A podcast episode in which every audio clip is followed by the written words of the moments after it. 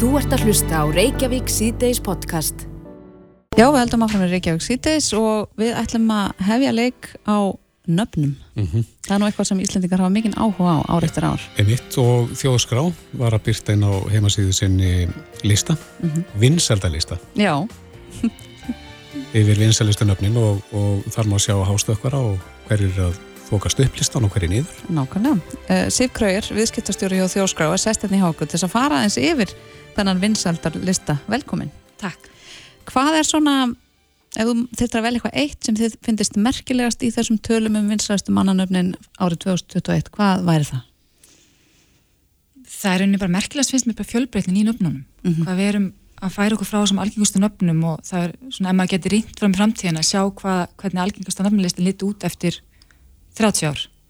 Þá ser maður örgulega ekki þau nöfn sem er í dag. Mm Og Svona, já, fjölbreytileikin. Já, uh, ég hjó nú eftir því að hástökkvari meðal kvenna uh, nafnið Saga. Það var sko í sæti nummer 80 árið 2020 en er komin upp í það nýjunda Já, og ég er svo sem ekki með svari við því að okkur saga er, er svona mikill hástökkvari, en eitthvað er það. þetta er ekkert smá stöð Hvaða tímabil eru það að skoða? Við erum að, þetta er sem sagt árið fyrra, 2021.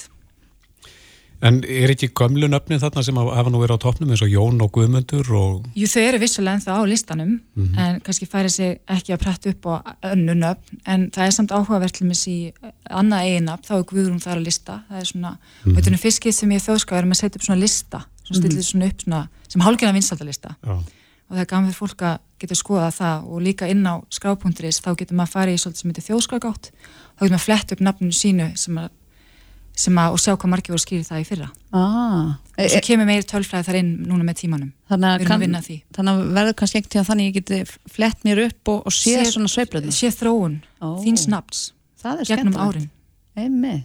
Ok, það er mjög áhugavert. En ég er einmitt hérna inn á skrá.is að skoða þessa vinsaldalista og það um, virðist vera síendur tekið efni hérna meðan Aron. Já, að hann trónir virðist vera alltaf Hann á topnum. já, hann er búin að skipa sér vel í fyrsta seti allavega núna undarfæri nár Mm það er svona, Mér finnst mér finnst bara ár eftir ár við sjá Aron í fyrsta seti. já, búið að vera í ykkur tíma. Já, algjörlega. Og svo hjá uh, stúlkonum er það Embla. það er embla En hún er líka svona smá hástakvari. Já, er það Mm og svona, já, það er en svo er svona eins og, þú veist, er líka, það er svona ákveðin upp sem að komast inn og líka að við stillum svona upp svona í top 10 listan þá svona er áhugavert að skoða þetta út frá því. -hmm. Svo las ég hérna líka að um, hvað var það, 91% Já, það barna. er rosalega hérna, er svona aukning í því að, að sé verið að gefa tvö einu mm það er, já, 91% það er fá tvö nöfn, ný, ný, hérna, nýfættra barna. Þegar ég var stýrður og, og brægi vantilega líka, að þá vo- voru millinöfnin ekki mjög ábyrjandi. Nei. En það hefur, hefur færst í vöxt. það er er aukning á því að, að fyrsta eiginab sé og svo líka er þetta, getur við skemmt okkur með að kannski að byrta sam, samblönduna nöfnunum. Mhm. hver er vinsalstust blöndurnar Marja Rós eða Mhm. Jón Aron? Já, eða en við, vitum ekkert og er einhver að skoða af hverju þetta gerist held að með millinöfnin Nei, þetta bara gerist. Þetta er bara veit ekki, kannski getur sig að klinga eitthvað spáð fyrir næsta ár hvernig, hvernig þetta lítur út en hérna, við erum alltaf bara með gagnasafni, tólfræðina Mhm. En eh, sko þetta eru vinsættilistarnir fyrir síðasta ár. Þetta er fyrir síðasta ár En, og en, en svona vinsælustu nöfnin eða, eða algengustu nöfnin? Þessi, þetta er þessi, lista sem hún er vinsalst nöfnin en svo er líka tökuð fram algengustu nöfnin og þar sá listi haggast ekkit svo mikið. Eru þar gömlu nöfnin? Það eru, já, það eru gömlu nöfnin hérna Anna og Jón og Guðrún og Sigur og Guðmundur. mm. Og þetta er náttúrulega bara, þetta er núlegandur íslendingar, þannig að þetta er allir. Mm er Anna algengasta nafni Anna er algengasta, Mhm. Anna og Jón. já, það kannski breytist ekkert mikið í framtíðin Var það ekki Jón og Gunna? Þetta, árum áður. Já, Gunna er nummið þrjú, Já. nummið þrjasti. Ok. Þannig að það er svona, og líka núna erum við, einmitt, farin að byrta svolítið eftir landslutum. Það er líka áhugavert að skoða það. Mhm. Já, ég tek eftir því sko að algengasta kvenmannsnafnið á vestfjörðum er Klara. En ég sá klör ekkert sérstaklega hátt uppi á vinsældalistanum, svona þessum stóra að við erum að fá okkur vestfyrring til að svara hvort að hvað sé, hvað veldur. Mm Og svo hérna á Vesturlandi, þar er vinsælasta kvenmannsnafnið Aldís. Já. og hérna á söðunni sem er það Aþena. Mm en Aron er vinsæll í tveimur landslutum og líka Jökull. Þannig að það eru svona Aron og Jökull það eru kannski svona sterkustu nöfnin. Já, Já, er það svo. En sjáu þið tengingu við bíómyndir eða slíkt? Eins og til dæmis Þór? Nei, en svona nú vil ég ekki segja of mikið, en alltaf 22 tölun að koma næsta ári fyrir 22, en til dæmis við sjáum að Brimir, það er, er það vinsalt nafn í ár, mm. þannig að það er svona, það er líka, hvað, hvað er út í samfélaginu? Hvað Hver, er, hverju er það tengt? er ekki eitthvað tónlist að, það, Já, bíddu, hérna, er, er það rappari? já. Já. Birnir? Birnir, Já. Birnir Afsakið, allt í það. Ok, getur þú ljóstra upp einhverju fleira svona fyrir árið 2022? nei, við erum bara að býja spenn. Bara, bara, bara skila tölunum á okkur aðeins fyrr Já, við, það er enda stefna að koma með aðeins fyrir næsta ári. mm Að svona býja, halda, halda fólki ekki í spennu Mm með þetta. Hvað með eldfjöldin okkar? Katla og Hekla? Já, Katla og Hekla, það, Ég sé að Þau- Katla er hérna á vinstættalista við kannvarsnöfnin, já, sjönda sæti. Kannski er það bara búið að vera svo mikið af uh, gósum og mikið um, um slíkt að það er kannski eitthvað sem að Katla, hræður upp í fólki. já, Katla fyrir úr 24. sæti í, í sjönda, Já, þannig að þetta er ákveð það er svona, það er svona sér maður líka, sem, það er meiri svona fjölbreytni í stúlkunöfnunum, til og með svona annað einab, það er svona aðeins meiri fjölbreytilegi, heldur en í stráka ég, ég sé bara að mitt nafn Lilja er á upplið sem annað einafn stúlkna það Já. fer úr 17. sæti í 8. Mhm. þannig að ég er bara mjög ánæð með það Já. ég ætla að halda upp á það dag Já, og svo, já, En þetta er skemmtilegt og það Þetta er er að skoða þetta nánar inn á skrá.is og hérna Þetta- sjá þetta með svona sjónrænum hætti þar, hvernig þið setið þetta upp. já, og svo bara hvetju alla til að, þetta, við, við teistum að þetta er aðal umræðafni í matabónum í kvöld. Já, Já. ég held að það sé alveg bókamál. Er, er hægt að fara inn og, og fletta nafninu sínu upp og Það er þetta hversu flettaði margir- upp sem sagt, hversu margir fengu nafnið í fyrra. Mhm. um, og síðan munum við bæta þeirri tölfræði hægt og rólega svona inn, þetta er bara nýtt hjá okkur að geta Já, þetta er skemmtilegu leikur. Já, það er, það var allir áhuga á þessu. Já, ég hlaka mikið til að reykja nafni mitt aftur í, í, í aldir En Sif Krógir, við stýttastjóri hjá Þjóðskrá, kæra þakki fyrir komuna. Takk fyrir mig Þú ert að hlusta á Reykjavík C-Days podcast. Jæja, Reykjavík síðdeis heldur áfram klukkan 25 mínútu gengin í 5.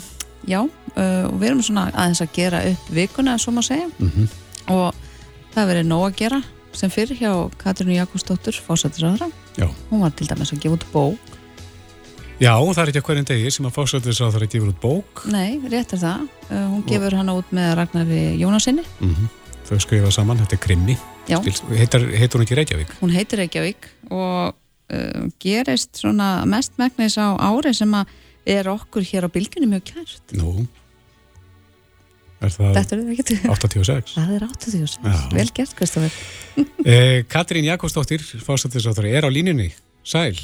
Komið sæl. Ég var titlaði rítuðand líka. Ég myndi nú ekki segja að ég svona alveg sé orðin rítuðundur þótt ég hafi skrifað eina bók með vinni mínum Ragnari. Nei. En hvernig kom þetta til? Já, þetta kom nú þannig til bara að Ragnar, sko við höfum þekkt lengi og höfum verið svona bæði í þessum glæpasagna geira. Ég var auðvitað að skrifa um glæpasögur í gamla dag og ég hef stundum svona hlaupið inn og stýrt ykkur upp hallborði og bókmæntaháttíð eða eitthvað slíkt. Mhm. Ragnar er náttúrulega búin að vera að skrifa lengi þannig að við alveg höfum tekst lengi og hann veltir þessari hugmyndu upp fyrir, já það er svona, er alveg blá byrjun ásins 2020 og ég svona, einhvern veginn, lætt hafa mig út í að segja já, kannski væri þetta frábær hugmynd. Mm. og svo náttúrulega þegar heimsvaraldur skellur á þá allt í einu bæði hafði ég rosalega gott að að hugsa um eitthvað annað en veiruna því hún eiginlega tók allt mitt líf upp. Og síðan skapaði líka ákveði rými að því að skyndilega voru ekki lengur pólitískir fundir eða ferði eða svo að allir þessi mannsfagnar sem við stjórnmálamenn erum stöðut í allt í einu voru þeir náttúrulega ekki lengur til staða þannig að ég satt bara stundum á kvöldin og skemmti mér við að skrifa stuttakabla. er ekki erfitt fyrir manneskins og þig sem að já, dýrkar glæpasugur, má ekki alveg segja það? Og ert búin að lesa þær flestar að skrifa einast líka Jú, enda leið mér nú þannig þegar við vorum búin. Mér fannst ofsalega gaman að skrifa en ég var eiginlega vona að hún yrði ekki gefin út. Að ég hugsaði sko þetta verður náttúrulega eitthvað alveg glátað og stennst engan samanböru við aðra höfunda.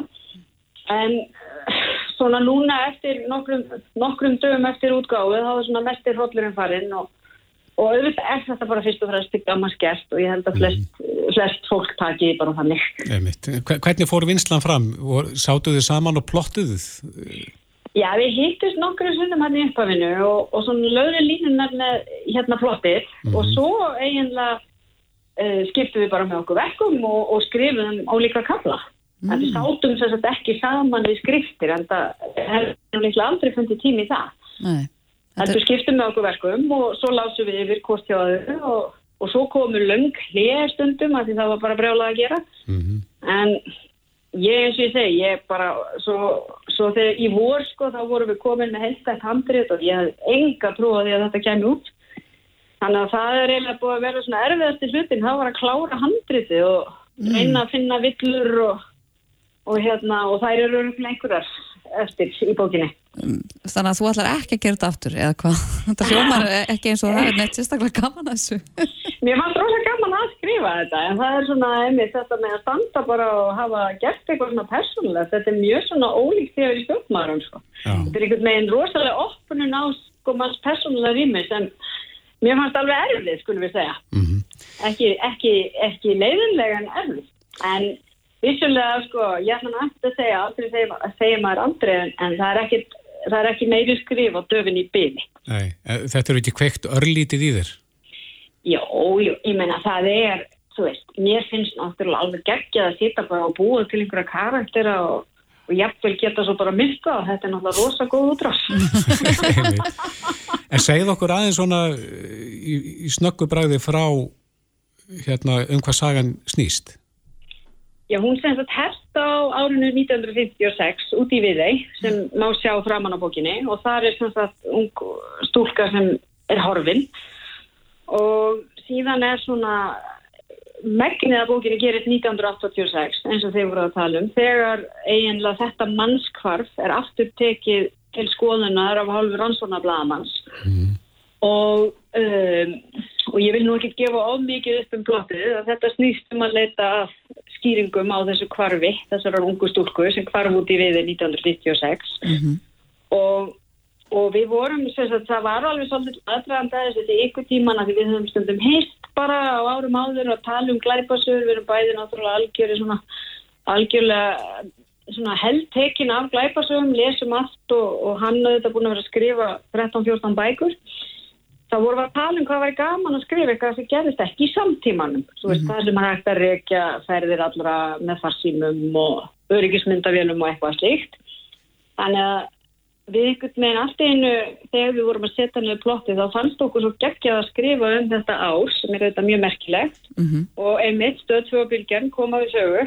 Í bókinni. Að sjálfsögðu, það er svona verið að lísta stemmingunni kringum það. Mm -hmm. Já, já, já, þið verður náttúrulega bara að lesa þetta. Það er bara, og, og hérna og það er svolítið frelsi að vera að skrifa sögur sem gerist einhvern veginn ekki í samtímanum. Og er einhvern veginn ekki þú veist, við þurfum ekki að setja okkur inn í einhverja rosalega sérflæði vinnu með nýjustu tækni sem lauruglan beitir í dag, heldur erum við bara að skrifa inn í þetta aldrei gammalda samfélag. Mm -hmm. og um leið er það náttúrulega fannst mér rosalega gott að vera að skrifa um eitthvað sem er ekki samtíminn sem ég er að vinna í alla dag Eða mitt heldur bara um Reykjavík þegar ég var tíu ára. Já, já, akkurat.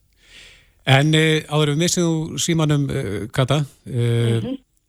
það er ná að gera á þingi. Já, heldur betur. Búið að vera mikil vika á þinginu, búið að ræða ímismál og stór mál undir þetta og ég er sögð búin að vera til umræðu um, auðvitað útlendingamálinn og fleiri þannig að það hefur verið mikið dagskrá og svo er núna í næstu viku þingli að því þá verður Norrlandaráðsþing þar sem ég verði mitt að hitta Norranna fórsættisráðra. Mm. Og hvað er svona efst á baui meðal ykkar í, í því spjalli? Já, það verður uh, það verður auðvitað bara stafan í Európu vegna strísins í, í Ukrænu og, og uh, bara hverju það hefur breytt. Það hefur þetta orðið gríðarlegar breytingar frá síðasta þingi um svo finna og svíjað allastastbandalæðinu verður áfram til umræðin ekki síst bara hvernig Norðurlöndin geta staðið saman um okkar gildi, uh, okkar líðræðislu gildi sem hérna hafa aldrei verið mikilvægari. Þannig að þetta verður vafalast mjög áhugaverð umræð mm -hmm. og við erum ennett að fara að ræða uh, þessi mál í hérna fyrstu umræðinni á þinginu þá taka fórsættisráðurinn þátt í opinu umræðu þar sem við munum vera að tala um þessi stóru mál Já, en heimilislífi á stjórnar heimilinu, hvernig gengur það fyrir sig? Ég har gengur í sjálfur sér ágætlaði fyrir sig þó að, að það sé vafalust hérna, heilmikil spenna í samstagsflokki mínu vegna komandi landsundar. hérna, Hefur þú áheitjur af því? Nei, nei, það er ganga allir flokkar í gegnum uh, alls konar hluti. Þannig að ég hef nú lefst á lungum ferði í pólitík að, hérna, að, þessi, að þau verða bara að leysa sínum málum inn í sjálfstæðslóknum en það hefur engin áhrif haft á heimilislífið og stjórnarheimilinu en það er bara ákveðt. Mm, það gengur sem vanagang. Það gengur sem vanagang, mm. já, já. Já, einmitt það. Já, við setjum punkti hér, Katrín Jakobsdóttir, fórsættisraðara og við skulum nú kalla þið reytuvund allavega hérna á bylginni. Við gerum það. Við erum til aðmyggjum á bókinu og góða helgi. Sömulegðu takk fyrir. Þetta er Reykjavík C-Days podcast. Já, það dró heldur betur tíðenda í uh, svokallu rauðagerismáli í dag. Heldur betur. Mm -hmm. uh, Landsettur snýri við síknu hérastóns yfir mm -hmm. þreymur samverka mönnum Angelín Sterkæ mm -hmm. og hann var dæmdur 20 ára fangis fyrir morðið á Armando Bekiræ. Einmitt, þegar þetta mál var til meðferðar í hérastómi þá komum til okkar nána stælega Hallgerður Kolbrunni Jónsdóttir, réttakona, velkomin. Takk hella fyrir. Og þú ert ennþá að fylgjast með þessu máli. Þetta er algjör viðsnúningur í dag hjá landsretti. Já, algjör viðstunningur, þetta kom alltaf óvart um, af því að margum þeim gerði ekki ráð fyrir svona svakalega þungum dómum yfir þeim, mm -hmm. þessum þreiminningum og, og þetta er bara held ég þingsti dómur sem að hefur fallið í mandrópsmáli hérna á Íslandi þessi 20 ári yfir Angelín, þannig að mm -hmm. þetta er Það var þingdur dómurinn yfir honum Já, hann var þingdur uh, af því að það, það er sko ekki búið að byrta dómin á vef landsreitar þannig að mm -hmm. maður er ekki búin að lesa en, en hérna svona af því, að, af því sem að ég hef kynnt mér þá uh, var fórsendan fyrir þingingu yfir Angelín svo að, að hérna hinn þrjú eruðu sagfælt fyrir sinn þátt og þá í rauninni bendið til þess að morðið hef, hefði verið skipulagt mm -hmm. þannig að það er, maður svona gerir ráð fyrir að það sé fórsendan fyrir þessari þingingu mm -hmm. En, en samverkamennir, hvað dóm hlutu þeir? Þau hlutu öll 14 ár um, og hérna þannig að maður gerir aftur ráð fyrir að það sé fyrir samverkni en ekki hluteld uh, hluteld er, er hérna um, að minnstakosti fimm ár held ég mm. uh, en þarna er alveg 14 ára dómur sem er náttúrulega svakalega þungt sko, munnar bara með tveimur árum fyrir hérna fyrir mandrúpsdóm mm. Er þetta endaleg niðurst eða, er hæstiréttur í stöðinni fyrir þetta fólk núna eða? Uh, það bara má gera sterklega ráð fyrir að þetta fara fyrir hæstirétt allir verjandur sem ég rætti við núna eftir að dómurum var kveðin upp mm. töluðum að þetta færi fyrir hæstarétt þannig að þetta mál er ekki búið held ég mm. En um, var það þess að ábáslega þungu dóma við sem sagt vitum í rauninni ekki hvað orsakar þá? Nei, við vitum ekki rauk landsréttar fyrir því hver, hvers vegna þau dæma svona uh, en bara ég er búin að setja þetta mál ég satt bæði aðalmeðferði í hérastómi og aftur í landsrétti og er búin að vera fylgja þessu máli bara síðan það gerðist ég uh, skrifaði sjálf með kollegum mínum fyrstu frettina af þessu máli þannig að mm -hmm. ég er búin mhm. svona að fylgja þessu bara frá upphafi uh, en maður gerir bara ráð fyrir að, þetta sé vegna þess að þau eru dæmt fyrir samverknað mm -hmm. um, og hefur þá tilfinninguna ég get ekki séð fyrir mér að, að þessir þungu dómar hefur fallið út af einhverju, einhverju annari niðurstöðu sko. Mm -hmm. Kom síknan á óvart á sínu tíma yfir þeim? Nei, hún kom í rauninni ekkert svolítið mikið ávart. Um, það voru ákveðnir þættir sem að maður svona sá ekki alveg að, að væri nú vel raukstöttir mm -hmm. um, og mitt verðundur nefndu það í dag að þetta hafi komið þeim mjög mikið ávart uh, en líka vegna þess að dómurinn í hérastómi var ekki fjölskypaður þannig að þetta var, ábyrðin var á einu manni en mm -hmm. núna í landsetti er þetta þrýr dómarar þannig að já, ég veit ekki alveg, þetta er svona Svona sterkari niðurstað í dag Já mm -hmm. Hva, Hvað helst þú að myndi gerast þetta? ég var einlega ekki alveg búin að lega mér að hugsa út í það mm -hmm. ef ég var alveg hreinskilin um, en ég svona gerði ráð fyrir að allavega tvö þeirra eruðu dæmt kannski ekki í svona rosalega þung, um, þungur dómur mm. um, en kannski þyngdin sem að kemur mest ávart ekki endilega að þau hafi verið sakfælt heldur bara þyngdin á dómunum af því að þetta er rosalega þungt mm -hmm. um, Hvað já. gerist núni í kjölfara á þessu þetta þungu dómur yfir þeim? Er þau nefti varhald strax? Vist það, ég bara veit það ekki. Ég, hef, ég bara þekki ekki. Uh, en ég gerir ráð fyrir út af því að nú hafaði fjórar vikur sko til þess að hérna senda einn málskot, uh, málskotsbeginni til hæstaréttar. Mm -hmm. um, þannig að ég... Man er þetta svolítið undarlegt ef þau fá að ganga laus svona með þennan þunga dóm sem þau hljóta í dag? Já, en já, ég bara, eins og ég segi, ég þekki þetta ekki sko, já, ég þekki þetta ekki því mér, mm -hmm. En þetta vantilega eftir að skýrast uh, næstu dag, hvena verður dóminu byrtur í byrjun næstu viku? Ég gerir ráð fyrir að hann verður byrtu í dag mm -hmm. uh, af því að þetta er svo stort mál og, og hérna þungi dómara á, ég menna það voru fréttamenn frá öllum viljum það inni þannig að maður verður reynilega að fá að sjá sko rauksendafærsluna hjá dómarunum fyrir þessari niðurstöðu mm -hmm.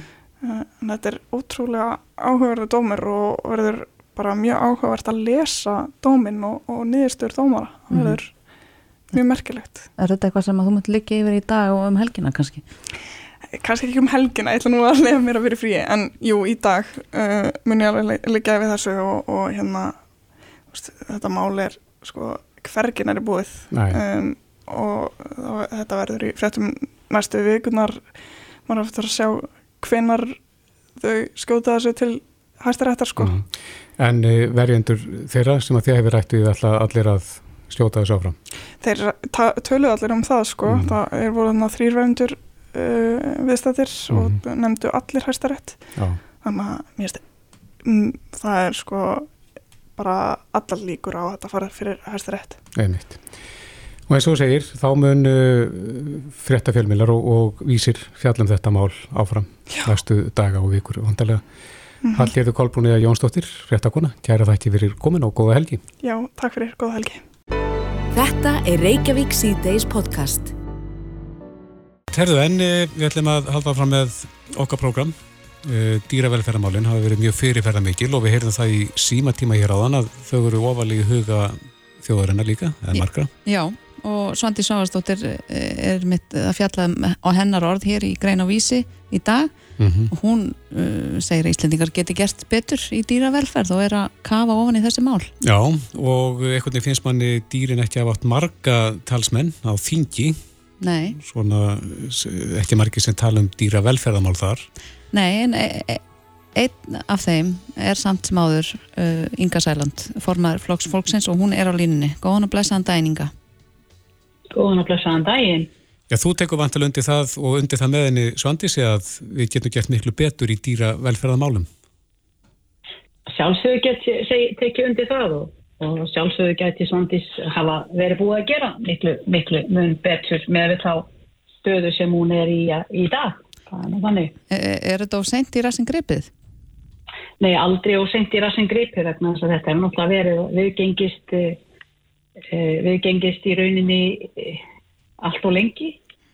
Ekki bara hvað var þar eh, þennan sittning sem við höfum verið að horfa upp á í Borganesi og nei, í, í Borgafyrir segjeg og, og, og víðar heldur höfum verið að heyra sögur af því hvernig var farið með hvernig hefur verið eitra fyrir kísum og hvernig alls konar uh, mannvonska hefur fengið að að sko njóta sín í rauninni án þess að á henni sé tekið mm. þá var það það að nýðast á, á, á saklusum skilusum skernum þannig að hérna og svo það sé sagt, þá, þá langar mig til dæmis í þessu til, tilefni að, að minna á, það kom hér upp árið 2016 það sem var verið að vísa í, það sem gerist fyrir sjö árum síðan eh, fyrir norðan, það sem að kvíða hafði uh, sko í fyrsta skipt á æfisinni verið að fara út og þeirra gekk illa að, að fá hana eh, til að, að hlýða og koma aftur inn að þá, þá korki meirann er minna heldur en að byrjaði bóndin að keira utan í kvígun og jeppanum sínum þannig að það sást á henni og, og þína sett hann snöru um hálsin á henni og dróð hann á eftir bílnum auk þess að hafa lamið hann með girðingastöðurum og kvíðan náttúrulega gekk með bílnum fyrstum sinna síðan lagðist hún niður og gati ekki meis hún var dregin af fjósinu þar sem að komi ljós þegar þangað var komið að hún hafi náttúrulega dáið á leiðin mm. Þessi maður fær bara svona eins og skam það er ljótt að gera svona sjáðu til. Skam skam, þetta er ljótt. Og það er nákvæmlega það sem við erum að horfa upp á núna. Það er ítrekka búið að vera að kalla á hjálp og það er, ég, ég get ekki nánast varist tárum þegar ég hugsa um hvað við eigum mikið af dýravinnum fólki sem er að stíga fram núna og bara virkilega berjast e, fyrir hagsmunum dýran okkar og, og í sambandi við það þegar matvælastofnun er mast, ég veit ekki hvernig matvælastofnun sem á að hugsa um það sem við erum að neyta er í rauninni bær til þess að nokkur tímapunkt að hugsa velferð dýra, mér finnst ég finnst í rauninni skorta á það að dýrin eigi sinn málsvara, raunverulegan málsvara, sinn raunverulega umbóðsmann sem að, að best fyrir þeirra hagsmunum.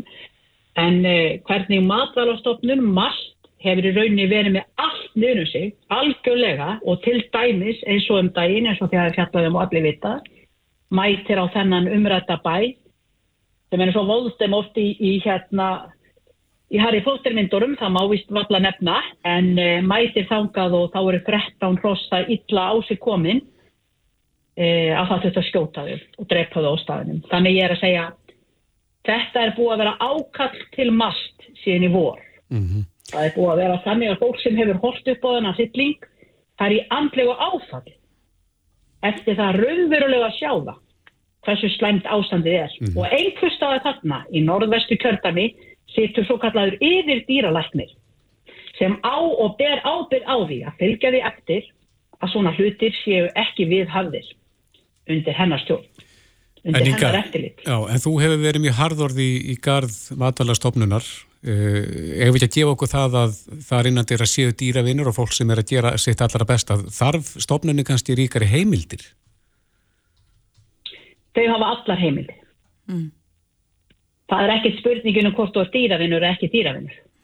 Spurningin er að vinna vinnuna sína. Mm -hmm. Og ég tel og hef alltaf sagt á og ég segi það enn, þau eru ekki að gera það. Þau hafa mun vittakari heimildir. Þau hafa sviftingu, þau hafa algjörlega heimildir til þess að svifta eh, vanhæfa eh, eigendur hérna yfir á þeim yfir dýrum sem þeir eru að fara illa með. Og það hefur aldrei verið eh, neitt vafi þar á hverja raunverulega heimildir mast er hvað það varður. Mm. En hins vegar þá er þessi stjórnsýslu, þessar stjórnsýslu reglur um meðalhóf og að ganga ekki freklegar fram heldur en uh, eh, nöðsilegt ber til þess að ná þeim markmiði sem aðeins stemt, það er í rauninni eitthvað sem að þau verða að taka uh, alvarlegar heldur en raunverulega velferð dýrana sem þau eiga að sinna. Það er mín skoðun og í gegnum allt þetta sem ég hef búin að upplifa og gegnum alla þar umsagnir og, og, og hérna sem ég hef fengið þegar ég er að berjast gegn þessu dýranýði sem þetta blóðmörahald er til dæmis. Ég var að mæla fyrir því máli í þriðja sinn í gæð bændur hafa sagt upp samningu við Ístekka, dýralæknar hafa sagt upp samningu við Ístekka, einhverjir, mistakosti, vegna þess að þeir eru farin að átta sig á því hversu óbóðslega siðferðilega rámt það er að koma svona fram mm -hmm. við fylgfullar eh, hrissur eins og er gert í samband við blóðmerahaldi. Þannig að það sem við erum að sjá uh, allt í kringum okkur, það er dýranýr og uh, á mörgum sviðum sem ekki er í rauninni eh, tekið föstum tökum því meður. En, en þarf ekki að og, einfallega efla þessa stofnum þannig að við höfum mannskap þess að sinna þessu eftirliti? Það þarf einfallega að taka þetta frá þessari stofnun vegna þess að hún á að hugsa um matvæla eftirlit og þessi stofnun hefur ekkert að gera með dýravelð, ekki neitt. Hver á að vera með eftirliti þá? Það þarf bara að koma með eh, einhver eins og ég sagði áðan, það þarf bara að koma með alvöru dýra eftirlit stofnun sem sinnir því lengt og ljóst að sjá um það að, að bregðast við ef að til dæmis eh, borgararnir eh, eh, sjá dýramýr og líður illa með það að þeir eigi greiðan aðgang að því að upplýsamslikt láta vitafstíku og það sé bröðist við strax. Er það ekki, er það ekki, ekki haldið áfram að svelta næstu mánuðina, þángar til að mm. það illa haldið að það þarf að skjóta það þegar það við er mætt hjá til. Það, við, við munum eftir ímsveins og brúnækja málinu og, öðru, og, og alls konar hlutum sem hafa komið upp í samfélaginu þar sem við vitum að hlutinir hafa verið látnið e, sko, ganga allt og langt, allt og lengi á þess að raunverulega sér tekið á, á málinu.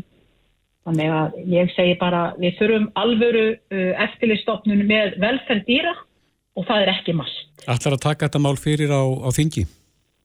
Algjörlega, ég mun bara ekkert gera annað með henni sitt á þingi heldur hann að berjast fyrir þá sem að eiga ekki málsvara. Það er ekki bara fátagt fólk á Íslandi og fátagt börn á Íslandi heldur er það dýrin okkar líka. Mm -hmm. til þess var ég hérna ég tel mig bara, já til þess var ég valinn í það verk sem ég er að vinna í það mm -hmm. Heldur það sé ekki ríkur stuðningur við að, breyta til í þessum efnum? Þar er ég tala um einn á þingi Við eh, óskuðum eftir meðflutningsaðilum á eh, frumarfi okkar núna sem við lögum fram í þriðja sinn í samband við bann við blóðmerahaldi. Eh, það var, var þingflokkur flokksfólksins og, og einn annars einstaklingur sem að, að skráði sjá það mál. Á sem sagt 63 þingmönnum þá vorum við einu til sjö sem voru tilbúin að berjast gegn þessu dýraniði sem ég tel blóðmerahald vera. Við erum eina landið í Evrópu eina landið í Evróp sem að gengur fram með þessum hætti og er að sjúa blóð og fullum, fullum merum eins og við erum að gera.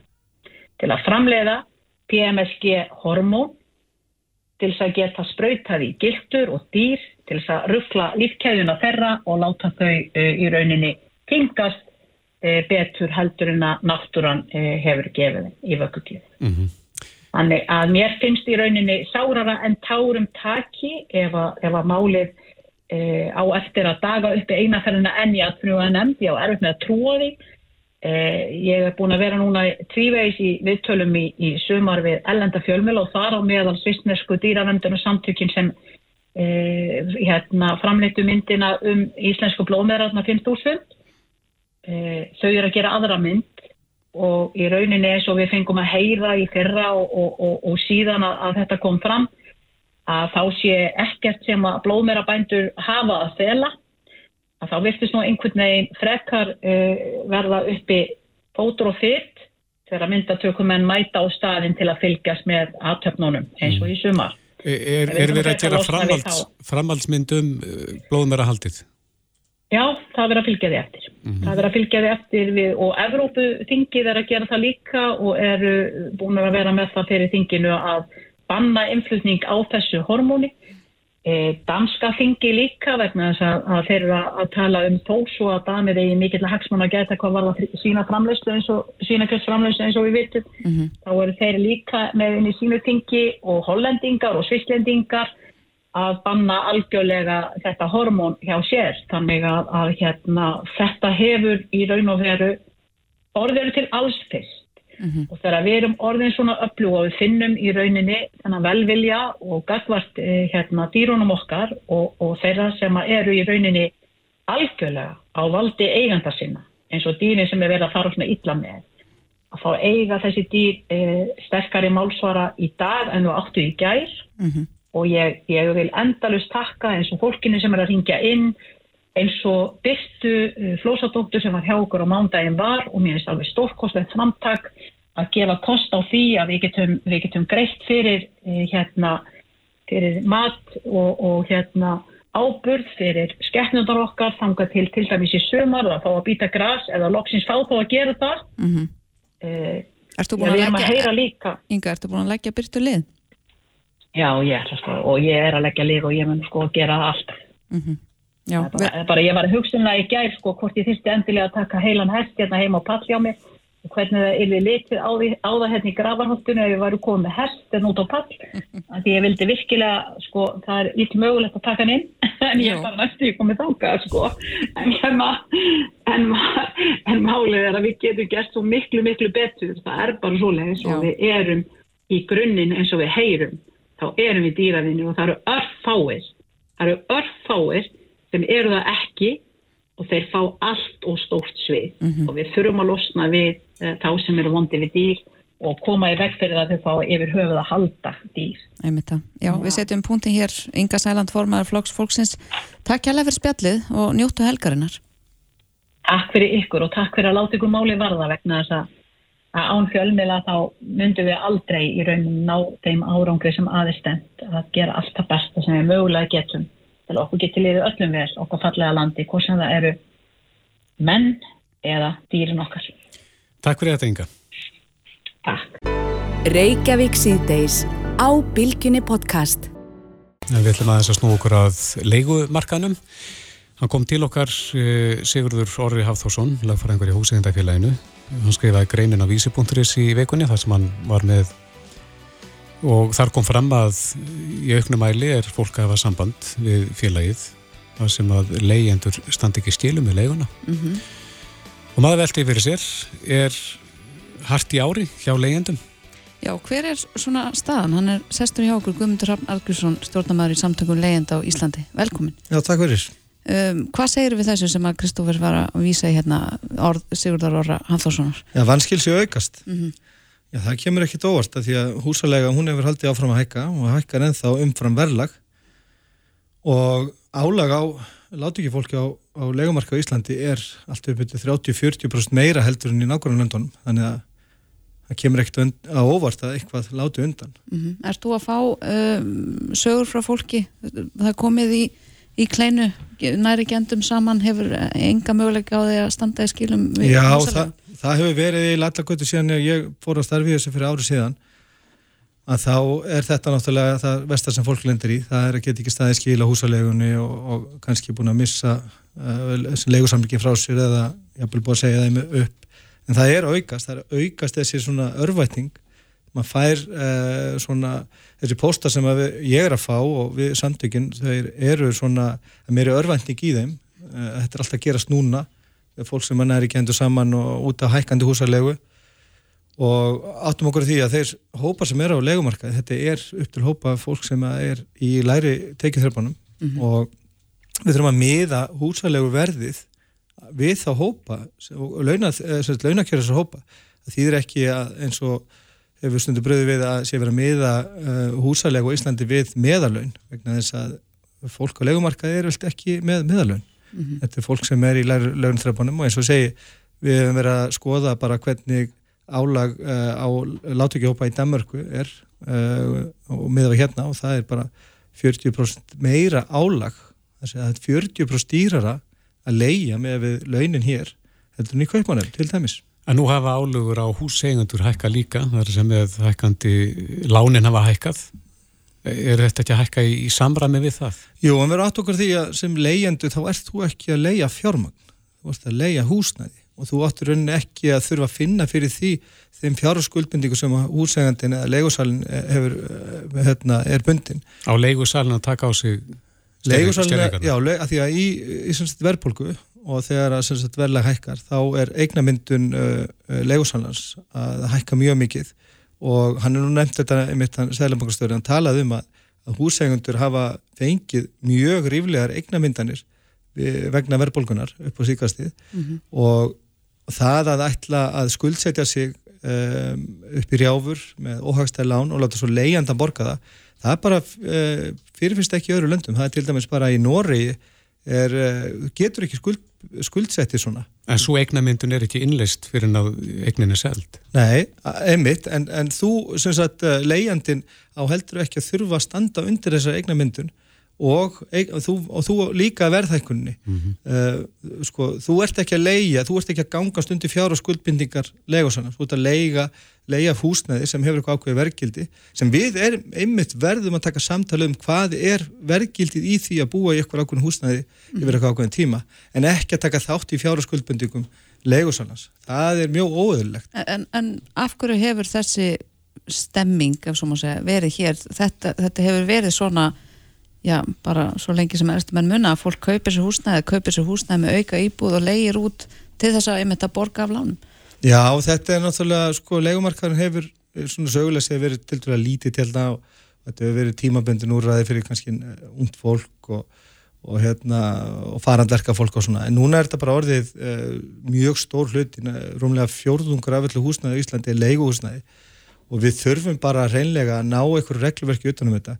Ég hef búin að vera að skoða núna uh, mjög mikið undanferðnar vikur, bara hvernig þessu háttað í löndunum kringum okkur. Og það er bara einhvers konar reglverk um verðmynduna húsalegu markaði í flestu löndum kringum okkur. Ef það er ekki, þá er þið ofnbæra með uh, stærsta hlutuna leguhúsnæði og jafnvel það sem þið ofnbæra kannski með 75% af öllu leguhúsnæði, þá er líka reglverki við frálsamarkaðin Þannig að við sem búum við svona stóran legumarkað því að legumarkaðin hérna á Íslandi er bara nálgast að vera með stærri legumarkaðum svona hlutvarslega séð í Evrópu.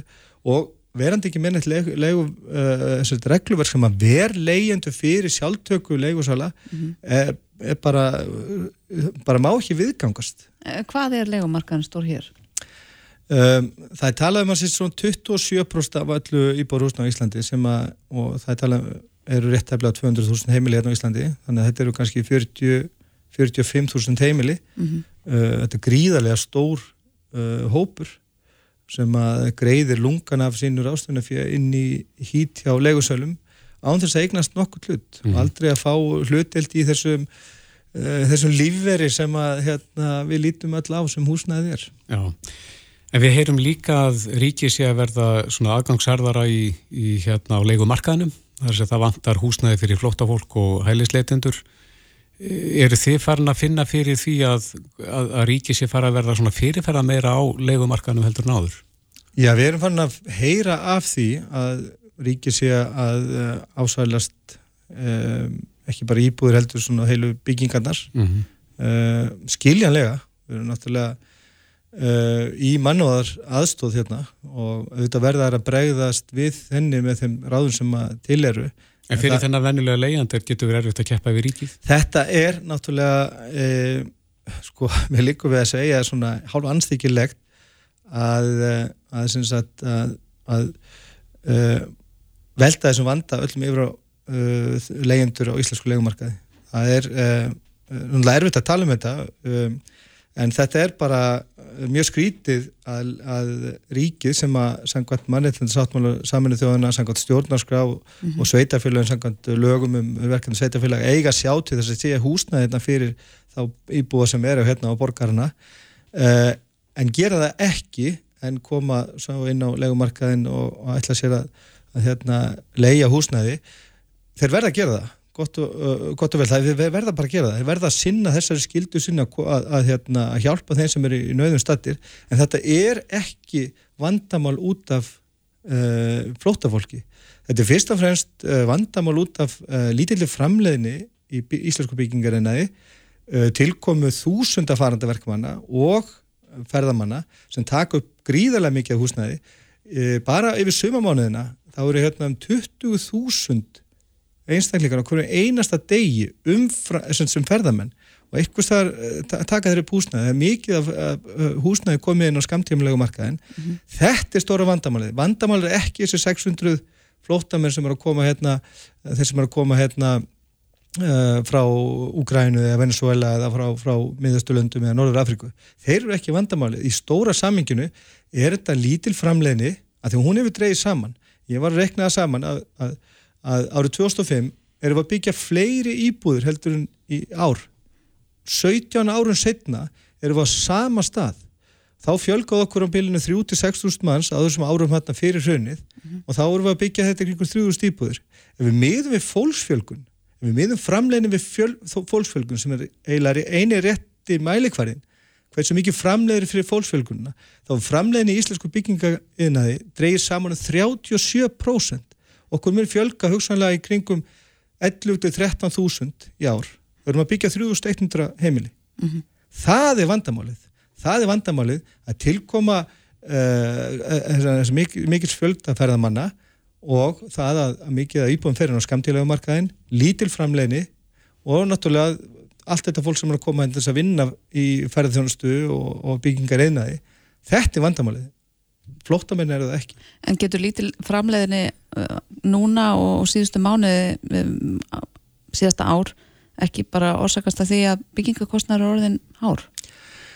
Nei, af því að uh, fastegnuverð hefur hækkað þrísvarsunum meira heldur en byggingakostnaður uh, reglugjær, byggingarreglugjær hún var einföld og hann var breytt hérna uh, voru 2016 -hmm. og fyldi þá sögunni að þetta myndi draga úr kostnaði við hverja meðal íbúður Reykjavík uh, um 2 miljónir Þannig að það er ekki þannig að byggingakostnaður uh, sé hár. Það eru til tvær reiknivelar hjá hagstofinni sem sína fram á byggingakostnaður per fermeter fyrir vísitúlýbúinu Reykjavík sé ekki starf bílinu 250-280 skrónir per fermeter. Söluverðnaði á uh, meðal fermeterverði á fastegmarkaði Reykjavík komið yfir 700.000 og, og upp í miljón. Og meiri þessi hagkvæmi húsnaði sem Reykjavíkuborg er að uh, kynna okkur og ætla nú að kynna okkur enn frekar næsta föstudag mm -hmm. þar er verið að semjum fermendur verið uppi 900.000 krónur á hagkvæmi og einföldi húsnæði þrátt fyrir að, að hagstofan mæli byggingakostnað reyndar án loðavers kringu 250-280.000 en, en hvert er svona þið fullkomna regluverk? Þú ert búin að skoða í löndunum kringum okkur hver, hver er draumastaðan, draumaregluverkið fyrir leyendur á Íslandi? Já, draumastaðan, er, er, sko, það er til draumastaða og svo til, til svona, hvað maður segja, raunhafstaða.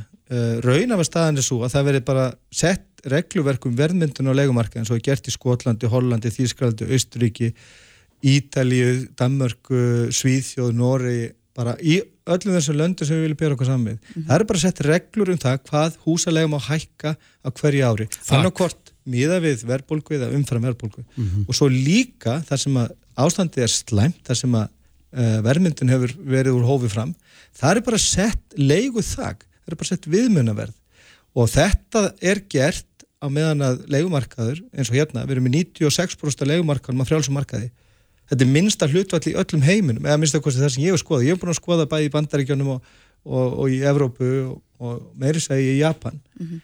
að þetta er bara allt og lítið hlutvall uh, til þess að frjálsumarkaðurinn geti starfað svona óareitt það væri lægi að leifa frjálsumarkaðunum að starfa eins og að vil ef að 60 eða 70% af öllu húsnæði var að fyrirslega reikið, þá hefði fólk ekkert um valkost. Það er engin valkostur, þá þarf að setja regluverk um verðmyndun á leikumarkaði, bæði um hækkun og viðmennan verð og svo þarf við ofnbæra að því að þeir bera skildu til þess að útvega fólki húsnæði, mm -hmm. þeir þurfa að fara að byggja Ísland er eitt af þeim ríkjum sem hefur komið sér hjá því að undrita við eitthvað mannreitnda sáttmálun sem leifir borgurunum að uh, kæra um, brota á mannreitnda sáttmálun varðandi það að, að fá ekki viðunandi húsnæði. Ísland er eitt af þessum ríkjum sem hefur komið sér hjá því að viðkjöna hennan viðauka. Mm -hmm. Vegna þess að hér er náttúrulega allt í, í, í, í handaskólunum hjá ríkinu, ríki veit upp á þessu skömmina og upp á þessu sökina að hafi ekki stað, bæði sveitafélag og ríki, hafi ekki stað við skuldbendingar sínar og þess vegna hugsa ég að þessi ástæðin fyrir það að þau hefur ekki vilja að hérna, undur þetta hennar viðauka mm. en hann, hann veitir fólki rétt á því að, að, hérna, að koma málunum sínum fyrir e, til meðanluna hjá saminuð þjóðanum mm. varðandi það hafi ekki fengið húsnæði Rétt eins í lokin og stuttsvar, hvað eru margi leyendur á Íslandi? Sko, við, þetta eru í kringu svona 60-70 þúsund fullorðin einstaklingar sem er á íslensku legumarka. Þetta er stór hópur. Mjög stór. Guðmundur Hafn Arkinsson, stjórnamaður í samtökum Leyend á Íslandi. Kæra þætti fyrir komin og góða helgi. Takk fyrir mig. Hlustaðu hvena sem er á Reykjavík C-Days podcast. Jæja, það er fyrstu dagur í dag mm -hmm. og uh, náttúrulega eina fréttum vikunar, stóru pólitísku fréttum vikunar er... Uh, máli með Guðlu Þór, hann er að íhuga það að bjóða sig fram til fórumensku í sjálfstæðisfloknum Já, þetta skýrist allt á landsfundi sjálfstæðismanna, fjóra mm. til sjötta nómbinarskomandi, en það er greina mikil titringur innan flokksins Já, og okkur langar að fá Sigga Kling til þess að lesa þessi stjórnunar, en Sigga Kling er einmitt að koma yfir á vísi Já, það er nefnilega hinn stórfættu vikunars, Já. er að stjórnusbá Sigga Kling snýr aftur á vísi Einmitt. og Sigga er á línunni, kom til sæl komið sæl og blestu, þið eru svo skemmtileg sko. Já, sömur leiðis eitthvað mín mm. Herra, þú tókst og ég svo bara ána sko að þetta eru, er þetta margt vina mínir þarna sem eru þarna. Já. Mm. Þetta er bara svona vinaparti hjá okkur. Bara... á vísi og allstaðar öll, öll familjan. Bara hjartalega velkomin tilbaka. Takk. En við, okkur langar að fá því þetta verkefni að skoða stjórnunar hjá þeim Guðlaugi Þóru og Bjarnar Benediksinni Já. Ertu búin að kýtja á það? Já, eh, sko, hérna, ég man eftir því einu sinni með Bjarnar Ben, sko, hérna þá var svona stór fundur sem ég var að skemta á og, eh, og þá var, ég, þá var einhver að segja hann eitt amalið 17. Uh, skal ég segja januar en hann, uh, en það var eimskip. Svo skiptir ekki öllu málið, það munaði þarna bara einnig tölu, hann er 2070 Mhm. já, svolítið, já, já. Og uh, hann var ekki ánað með þetta en hérna hann er, hann er sko átta Mm. í talnarsbyggi, því að nota talnarsbyggi og, og, og, og, og hérna og skreiti stjörnusbyggina með talnarsbyggi, ég er svona með múlti. Og ef þú skoðar þá eru flest, flestir sem að ná langt í stjórnmálum hér á Íslandi eru þessi Já, Ó, eins og Inga Sæland, Katrín Jakobsdóttir. Og ég man ekki alveg það eru margir, það er bara meiri hlutir Þannig að Bjarni er, Bjarni er fættu leiðtói. eh, hann er fættur stjórnmálamaður vegna þess að það er einhvern veginn að þetta fólk bólir meiri vitleysu en annað. en, en hvað þýðir að vera átta? Það þýðir áttan er eins og skal ég segja þið lífið og döðin eða eilífðin, það er eilíðartáknin og það er alveg sama, það heldur alltaf ef áttan er í bölvaður í vitleysu sem að stjórnmál eru að hérna þá heldur hún samt áfram sem að svona meira að fólk svona hörvar Það er lengri líftími. Já, miklu lengri líftími, það er einhvern veginn, það bara heldur áfram í ringurásinni. Er þetta þá þrjóska, myndur segja? Uh, nei, vist að geta bara lokað á vittlisuna frekar. Mm, mm Skilur að, að þetta er náttúrulega er hróðalegt að vera stjórnmálamaður og ég, ég bara skil ekki hvernig fólk getur þetta. Nei, þetta er ekki öllum gefið. En eh, Bjarni er fættu 27. janúar. Í hvaða merkir hann þá? Uh, hann er vasperi og núna er náttúrulega vaspera öldin mm. og vasperar uh, sérstaklega þegar kemur yfir á næsta ár að uh, þá er svo, það er bara mjög gott yfir vasperunum. Mm En þeir eru náttúrulega með þetta þing á mjög erfiðin tíma uh, því að landsfundinn. uh, núna, já, já, Mhm, Já. landsting eða landsfund eða, eða hvað Mhm. og á mjög erfiðin tíma því að það eru sko stjörn, stjörnufræðilega séð þá, þá eru þetta slagsmála tími Ó, og og fólk ætti kannski að tengja við það hérna sem er að hlusta að það er búið að vera opbóðslega sveiflur í líðan, kannski í skapi og að lenda í átökum eða hindrunum. mhm Þarna þarf maður að sigla sinn sjó og það, og það er einhvern veginn með Bjarnar, það er alveg sama, hann kemur alltaf standandi en hann, það eru miklir erfileikar í námt mm. fyrir eh, svolítið marga í ríkistjórn. Nú, Já, það er, það er, það er, um, ég myndi segja að það er mikið konflikt núna bara. bara á næstu vikum eða hvað? Já, Mhm. já. Mhm. En, Það er eitthvað, það er miklu meira, rífistum meira, Mhm. heldur en þetta og uh, hann, eh, hérna, hann er á uh, tölu 6, sko, hann er 8, en á tölu 6, hann er á tímabili núna, uh, það sem ástin eikst, ást er í öllu, uh, eða springur. ó, Og það þýðir að það erfiða sem að hefur hangið hjá honum, Mhm. hvað sem það er, hvort sem það eru mannir, spyrjaða málefni eða hvað, það springur til þess að fara í burstu, en það eflirt það sem hann í raun og veru langar til að gera. Sem að, Mhm. uh, ég er ekkit viss um að hann vilji vera stjórnmálamæður, hann er bara maður einhvern veginn kannski fer í eitthvað og er fastur þar. mm, Af því að bara allir held að hann átti að vera þar, kannski.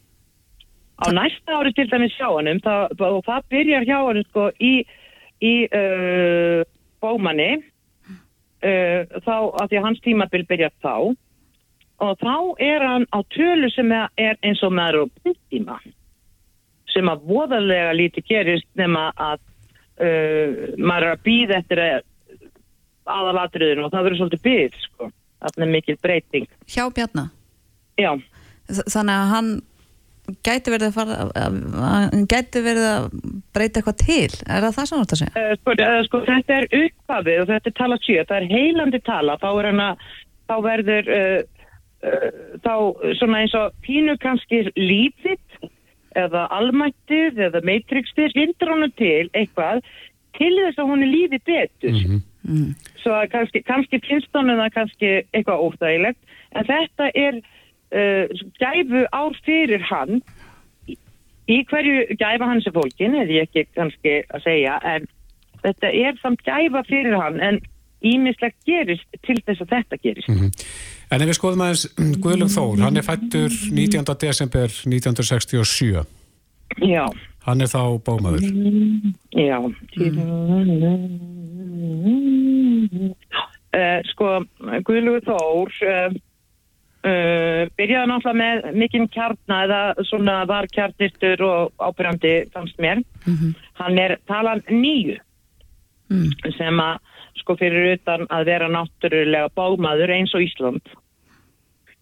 Eller er, mm -hmm. við erum bómenn, -hmm. því að það er tippið eftir. Og, og hérna, hann, skal ég segja þér, nýjan er alheimstala. Hvað þýðir það? Til, það þýðir til dæmis að það hefur hendað hann að vera dómsmálur. Nei, vera, var hann ekki utryggisöðra? Jú, hann var það. Já, já, það hendað hann best, sko. Mm -hmm. uh, og vegna þess að þar var að aðlaga, hann á svo gott með að aðlaga sig, uh, hvort sem að hann er í Kongo, uh, skal ég segja þér að það dansa eitthvað hvað, eða, eða hann er stattur á Cayman Islands, ég er ekki að meina neitt með því, bara þetta er eina sem kom í hausuna mér. Mm og uh, að því að hann hefur þessu aðlegunar hæfni við ólíkt fólk Getur talað við hvert sem er? Já, hann getur aðlega sig að fólki sem að, að alveg sama hvaða ræjótt það er eða vesen, hann getur aðlega hann, hann er svona, hann er kamiljón í því. Og hann læriði í uppaði í lífinu sínu, hann læriði að mikla pólinmæði ég veit ekki hvort það verið Ágústa Jónsson eða Jónsson eða hvað, hvað kent hann þólumæði eða týpuröfnir mm. að hann hafa þólumæði mm -hmm. og hann læriði mikla þólumæði og hann er náttúrulega búin að ganga í gegnum mingið og hann er mjög sterkur núna að því að hann er að byrja í nýri lífsorku Nú? Hann er að byrja á ári eitt Er hann að endur fæðast? Nei, það er nýtt tímabill mm. alveg svo líka minn endur nýja og sjóra fresti þá, uh, og fólk sem að lappar ekki alltaf sama hringin í lífinu að þá er þetta nýtt upp af þetta ár og þetta, þetta byrjaði hjá honum aðalega býta aðeins, býta aðeins, býta aðeins byrjaði hjá honum aðalega uh, í kringum 20. oktober mm -hmm.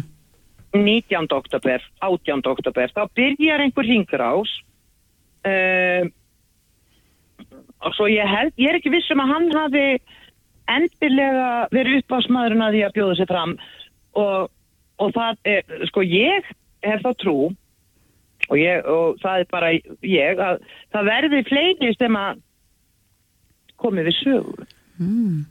Varandi hans frambóð? Var það nokkuð að bjóða sér fram áður en að anstingar eða Nei, hann har náttúrulega eftir að staðfesta hvort hann alltaf bjóða sér fram en svona, já, veit, e e ef hann gerir það sigga Já. Hvort eru stjórnurnar meira hliðhóllar bjarna eða, eða gulla? Og það má vantilega búast við átaka viku framöndan? Já, en ég segi sko að þetta verður, þetta verður eiginlega bara tóm vittlisa. Nú?